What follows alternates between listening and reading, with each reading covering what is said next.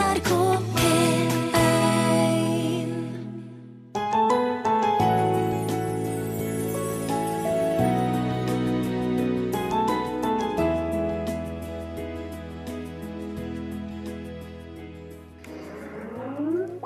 Jeg har vært veldig åpen på Facebook. Skrevet mye om følelser. Og jeg tenker at jeg må ha et sted hvor jeg kan uttrykke meg, slik at jeg ikke kan uttrykke meg i en familie. Dette er en av løsningene hun tyr til for å fylle behovet for kontakt etter at de fleste nære vennene har gått bort. Vi skal snakke om ensomhet og veier ut av den, kort og godt. Og så litt av hvert annet også, av eksistensiell karakter. Mellom himmel og jord med Miriam Wiklund. Da Binje Skjøtt Valldal fylte 50, holdt seks av vennene tale. I dag, elleve år senere, er det kun én av dem som lever. Ja, jeg har mistet tre venner som var 50 år. En på 60. Den siste var eh, min venninne på 51 år. Og det har vært de nære, nære som, som har betydd så mye. Og man venter jo ikke at mennesker på 50 år skal dø. Jeg ville jo hatt dem 30 år til. Men du har ingen familie, da?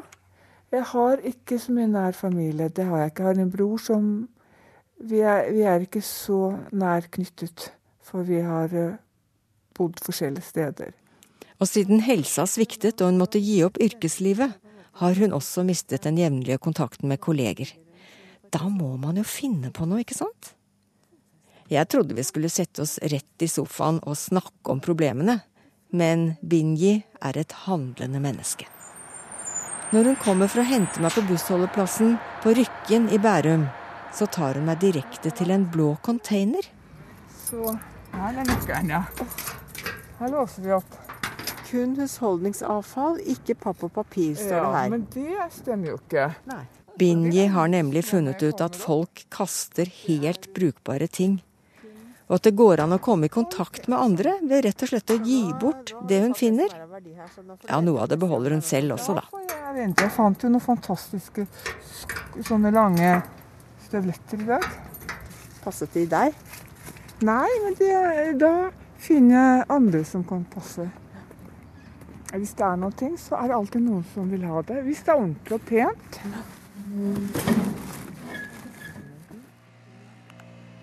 Vi beveger oss videre gjennom gaten med fireetasjes blokker på begge sider, mens vaktmesteren blåser løv vekk fra gangveien.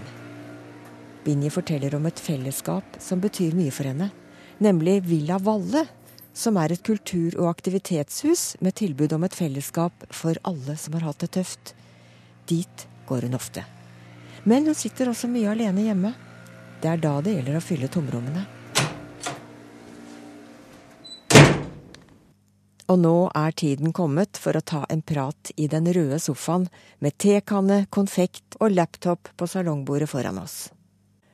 Hvis man har nettforbindelse ut til den store verden, så går det nemlig an å velge vekk ensomheten, iallfall for en stund, sier Binje, og utdyper litt mer om hvordan det føles å ha mistet nesten alle de nære. Det er mange former for ensomhet. Det er den, den dype ensomheten som er vanskeligst å gjøre noe med. Det som jeg savner, er at noen savner meg i høytider. For da er det veldig fokusert på familie og tilhørighet. Hender det at du eh, kan bli kjent med nye mennesker via Facebook? Ja, det var en eh, 17. mai som eh, Som jeg sa at jeg var veldig alene, fordi at jeg hadde ikke noen familie og sånt å være sammen med. Og da var det noen som foreslo at vi skulle være sammen, og da traff jeg dem. Så var vi i Frognerparken, og da var det hyggelig. Så Og- bruker du Facebook til å uttrykke følelser? Ja. Og jeg tenker at jeg må ha et sted hvor jeg kan uttrykke meg, slik at jeg ikke kan uttrykke meg i en familie. Og jeg har fått uh, Mange har takket meg nesten for det. For det åpner opp for andre til å gjøre det samme. Kan ikke du logge deg på. Det skal jeg gjøre. Den har så masse lyder, den der. Nei. Så når du sitter alene her f.eks. på en julaften, eller når det måtte være av helligdager, så sitter du ofte på Facebook, du da? Ja, jeg gjør det. Da kommer du inn på siden din. Eh, Ja. Der kom jeg inn på siden min. Få se noe av det du har skrevet, da. Vekt havregrøt er godt. Jeg sitter og spiser det nå. Det blir en brun, deilig skorpe på grøten når den er stekt. Knasende godt. Ofte har jeg rosiner eller dadler i. Så deilig. Forresten, har du smakt brunost under stekt egg? Nei. Er, er det noen andre her som liker ting som andre syns er rart? Brunost under stekt egg? Ja. Er det bare tull? Nei, det er sant. Nei. Jo, De som gir respons på innspillene, kaller Binji sin Facebook-familie. Mennesker man kan dele smått og stort med, nesten som i en vanlig familie. Hun skal akkurat til å referere noen tilbakemeldinger og lese videre fra det hun har skrevet. Men så tar hun seg til hodet og trekker seg plutselig litt unna mikrofonen. Det er visst noe hun må fortelle før hun går videre. Er én ting jeg som må si fra. Ja. Jeg vet ikke, jeg. Jeg ble påkjørt i går. Ble du påkjørt i går? Ja, med scooter. Nei. Så jeg bare, ville bare si det at, at, at, at det var Har du vondt? nei, nei, det går bra nå. Oi. Men det var et sjokk. Kjørte du scooter, du? Ja, jeg har kjørt scooter i tolv år. Hva skjedde da? Jeg tror jeg at jeg var litt for langt til høyre, og så jeg kjørte på grønt og ga signal og sånne ting. Men eh, så kom det en da ved siden av, og jeg ble da truffet i venstre hode da. En bil, eller? En bil, ja.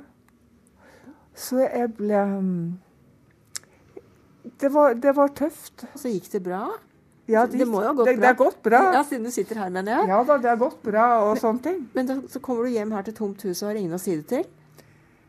Eh, ja. Og da går du på Facebook. ja. Men du vet du hva? Når jeg skrev det, da var det mange som svarte. Ble påkjørt i dag ved Brynsveien. Å, kjære min. Les. Jeg er fremdeles i sjokk og fikk vondt i venstre side av hodet. Godt jeg hadde en god hjelm på meg, så jeg tror ikke jeg har fått noe skade. Det får natten vise. Jeg var på legevakten, og politiet snakket med meg. Jeg er fremdeles skjelven. Men hun har altså ikke en skramme. Hun må vel ha hatt englevakt. Jeg rekker ikke mer enn å tenke tanken. Så blir vi plutselig avbrutt av at det plinger på Skype. Hallo? Hallo. Jeg bare lurer på hvordan det er med deg, og hvordan det har gått i dag. Jo, jo det gikk bra. Ja, Det, det Men uh, scooteren, da Det blir jo litt dyrt med Men det viktigste er jo at jeg er i live, ikke sant? ja, riktig. For du ville jo blitt veldig lei deg hvis du ikke kunne snakke med meg. Ja, visst, visst. Det er sant. Han heter Thor. Det er et ganske ferskt bekjentskap som begynner å bli nært. Det er i hvert fall en som virkelig bryr seg. Da snakkes vi i morgen. Vi snakkes, ja. Jeg må Det blir en kort samtale siden jeg sitter her, men da er kanskje ikke Binje så alene lenger allikevel? Nei, det er veldig bra, og jeg, og jeg setter så veldig pris på han. Så jeg tenker liksom på at man bygger opp relasjoner steg for steg for steg. Vi har en veldig fin, eh, fin kontakt. Og jeg kan glede meg over en, å få en hyggelig melding. Ja. Og jeg kan glede meg over en god samtale hvor menneskene berører hverandre. Og komme inn i hjertene til hverandre. Det sa Binje Skjøtt Valldal, som oppfordrer andre ensomme til å gjøre som henne. Finn deg et fellesskap, men sitter du hjemme og sturer og ikke orker å gå ut, ja, så prøv deg på nettet med for eksempel Facebook og Skype eller andre sosiale plattformer, sier hun. Når Kristin Brandtzæg Johansen forteller at hun har skrevet bok om Maria Magdalena, så får hun mange spørsmål. Var, ikke hun, var det ikke sånn at hun var en prostituert eller synderinne, at det liksom er en sånn hemmelighet folk elsker å liksom vite om? Så jeg føler nesten jeg skuffer som historieforteller når jeg må fortelle at eh, det er, det er, ikke, det er faktisk ikke sånn det var. Du får snart vite mer om bibelhistoriens sagnomsuste kvinne, Maria Magdalena. Du hører på Mellom himmel og jord i NRK P1.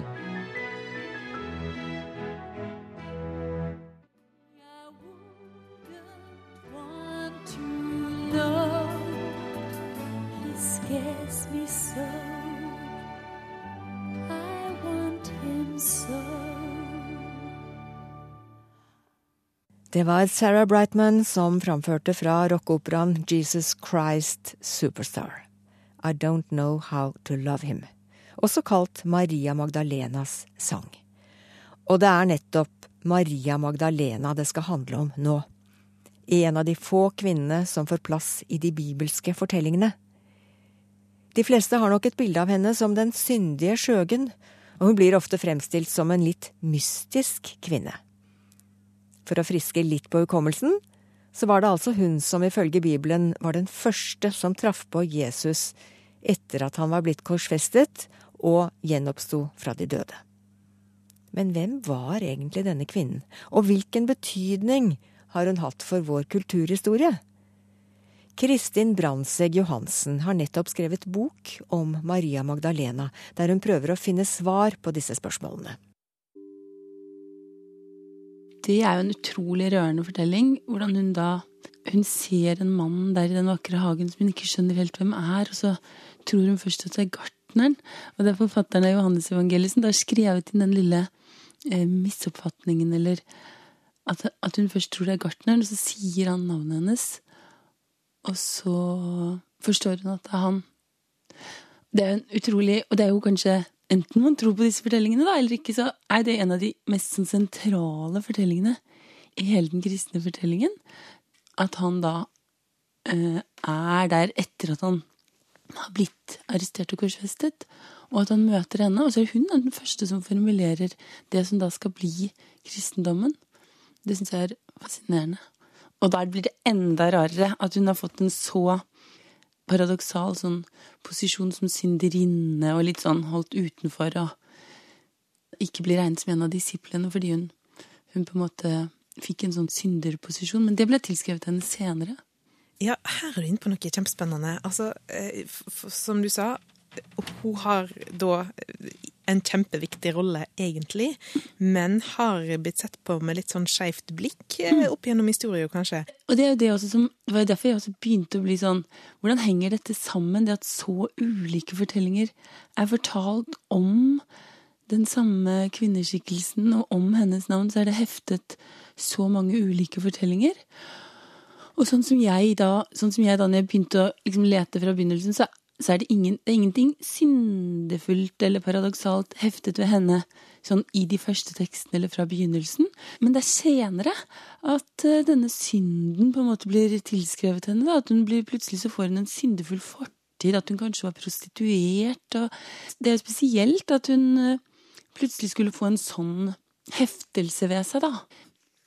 Min forklaring på det har vært at etter hvert som sølibatet og det at alle prester skulle være så den, dette med åndelig renhet og avstå fra kjærlighet og seksualitet at Med den åndelige renheten da, så ble jo kvinner ble jo en, de ble en trussel mot uh, denne åndelige renheten. Fordi kvinner i mange sammenhenger representerte kjærlighet eller seksualitet eller Så det er i hvert fall en sånn måte jeg har funnet det mulig å forstå det på. At hun fikk en mye mer perifer rolle enn det hun har i i fortellingene. At hun ble en synderinne som måtte, måtte holdes på utsiden. Maria Magdalena har jo inspirert alt mulig av bøker, filmer, teaterstykker, musikk og kunst. Og mm. jeg begynte å synge på den Maria Magdalena ja. som du refererte til. Eller?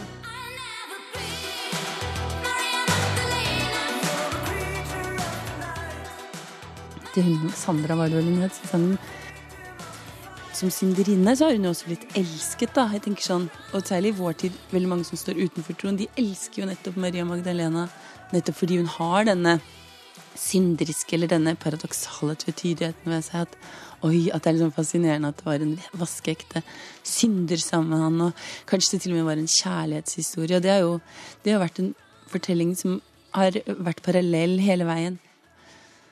i hele middelalderen så var hun en høyt elsket helgen, og den fremste synderhelgenen. Og grunnen til at folk var så glad i henne, var jo at uh, gjennom henne så var det på en måte håp for alle.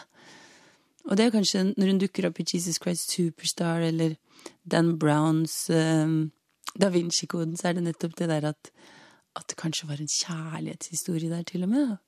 Og stakkars Jesus, så er litt hyggelig. Tenk hvis de fikk hverandre, tenk hvis det virkelig var et forhold mellom dem. Og det er jo mye av populærkulturen spunnet mange fortellinger rundt. Åh, oh, ja, for en fin tanke. det var jo ganske radikalt for en kvinne på den tiden å slå følge med en, eh, en mann, og da følge hans som hun ikke kjente. Man får jo et bilde av en interessant skikkelse.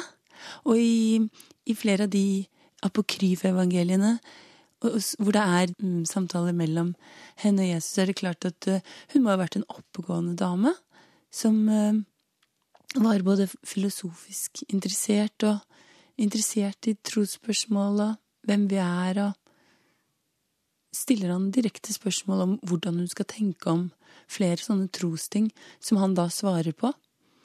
Så det, du, får, Man får jo, selv om tekstbitene er små, liksom må grave de fram og lete med lupe, og flere av manuskriptene er gått delvis i oppløsning, og i det evangeliet som bærer hennes navn, Maria Magdalenas evangelium, så er det jo mange sider som er borte, og så akkurat som bitene må på en måte pusles møysommelig sammen.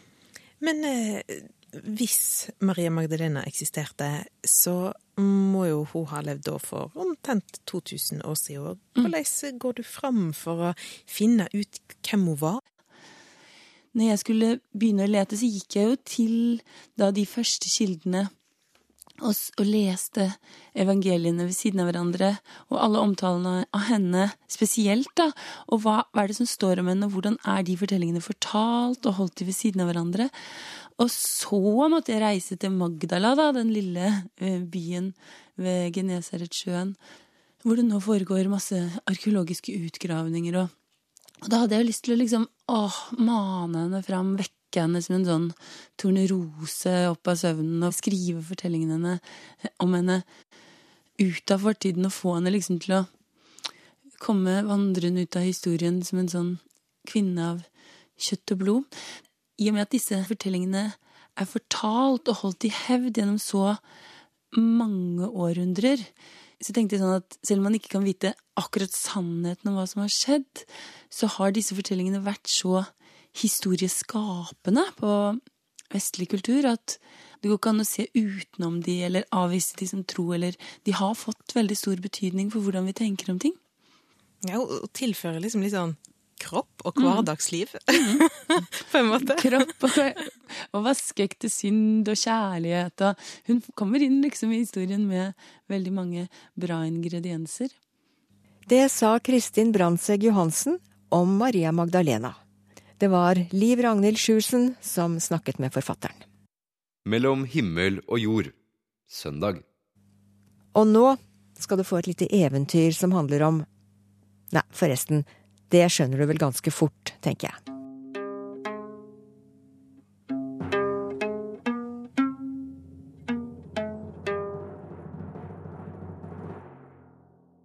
Hvert eneste år.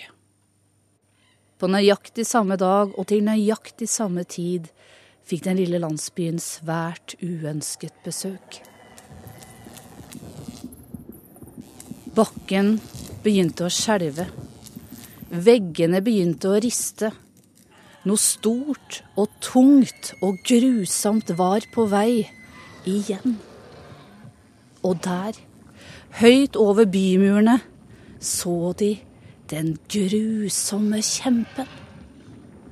Han hadde rødt, vilt skjegg, bustete hår, blodskutte øyne og råtne tenner.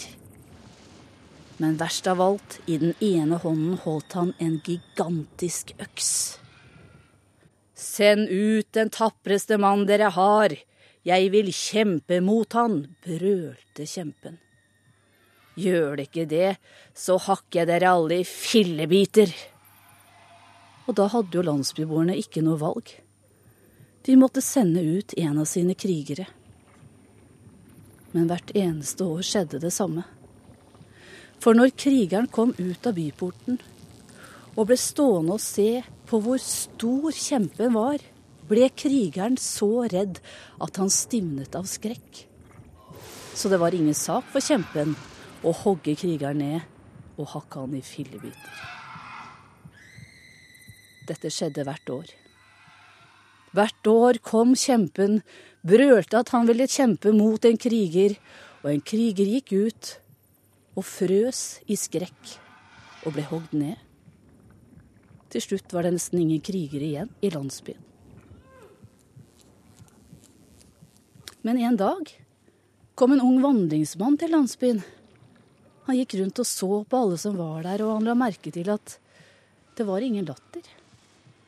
Ingen lek. Alle så så alvorlige ut.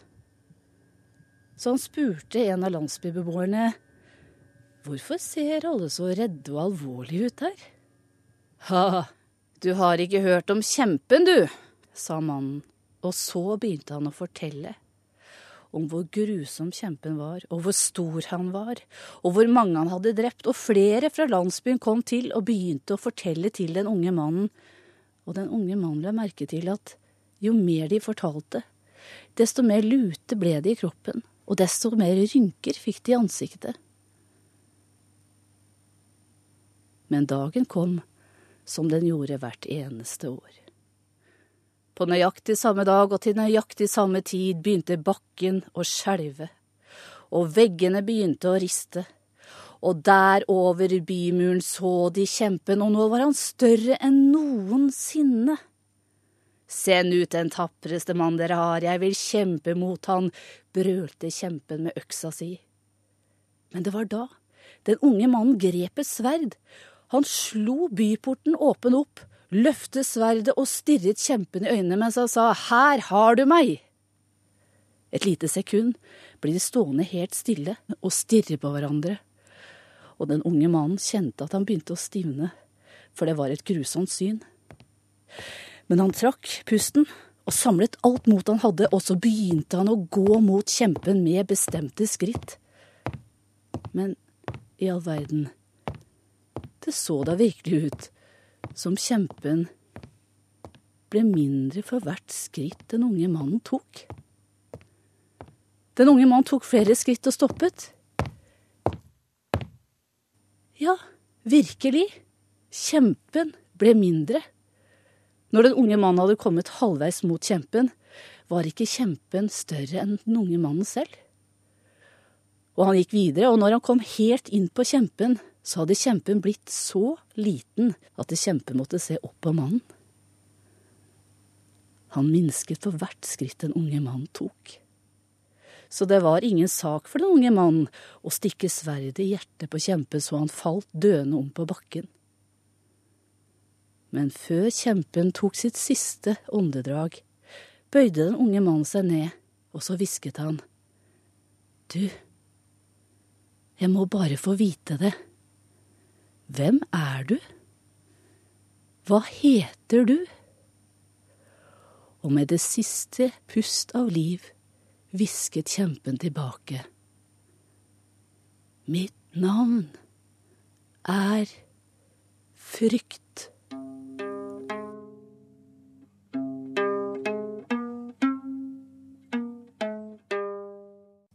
Det var psykolog og historieforteller Hilde Johanne Aafoss som brakte oss historien Kjempesteg, som jo handler om bekjempelse av frykt.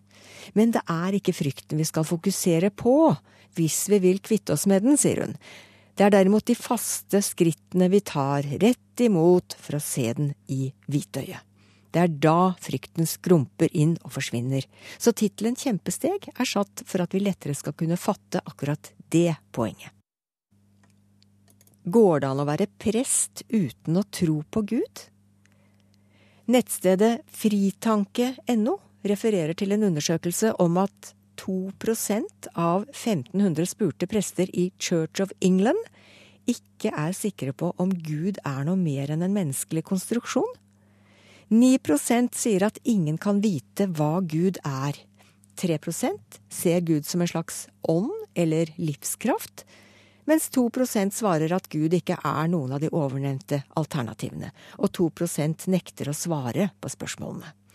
Den offisielle kirkedoktrinen om at det fins en personlig gud, det var det 83% av prestene som var enige i. Både i USA og i Storbritannia fins det et nettverk for ikke-troende prester. Sea of Faith ledes av den britiske pensjonerte presten David Patterson, og i USA fins nettverket The Clergy Project for prester som fortsatt er i jobb, men som har mistet troen på Gud. Et av medlemmene, som har gått åpent ut og sluttet som pastor i en pinsemenighet i Louisiana, det er Jerry DeWitt. Konsekvensene ble alvorlige. Til podkasten Humanist Hour forteller han hvordan bruddet med kristendommen førte til at han mistet all inntekt, ble skilt fra kona og gikk personlig konkurs. Senere kom han ut med boken Hope After Faith, eller Håp etter tro. En ekspastors reise fra tro til ateisme. Det var alt vi rakk i dagens Mellom himmel og jord. Hvis du vil vite mer om hva vi lager om livssynsspørsmål her i NRK, så gå inn på Facebook-siden NRK Livet. Og har du kommentarer eller innspill til dette programmet, så send oss gjerne en e-post. Himmel og jord, krøllalfa, nrk.no. I kveld sender vi som vanlig Mellom himmel og jord i reprise på den digitale kanalen P1 pluss for deg som har en DAB-radio. Det skjer etter Dagsnytt klokka 21. Ellers er alt som før. Programmet er tilgjengelig på vår nettspiller radio radio.nrk.no i tre måneder framover. Og du finner også en nedlastbar versjon uten musikk via nrk.no podkast. Jeg heter Miriam Wiklund og håper du får en hyggelig søndag med eller uten NRK Radio på øret. På gjenhør om en uke.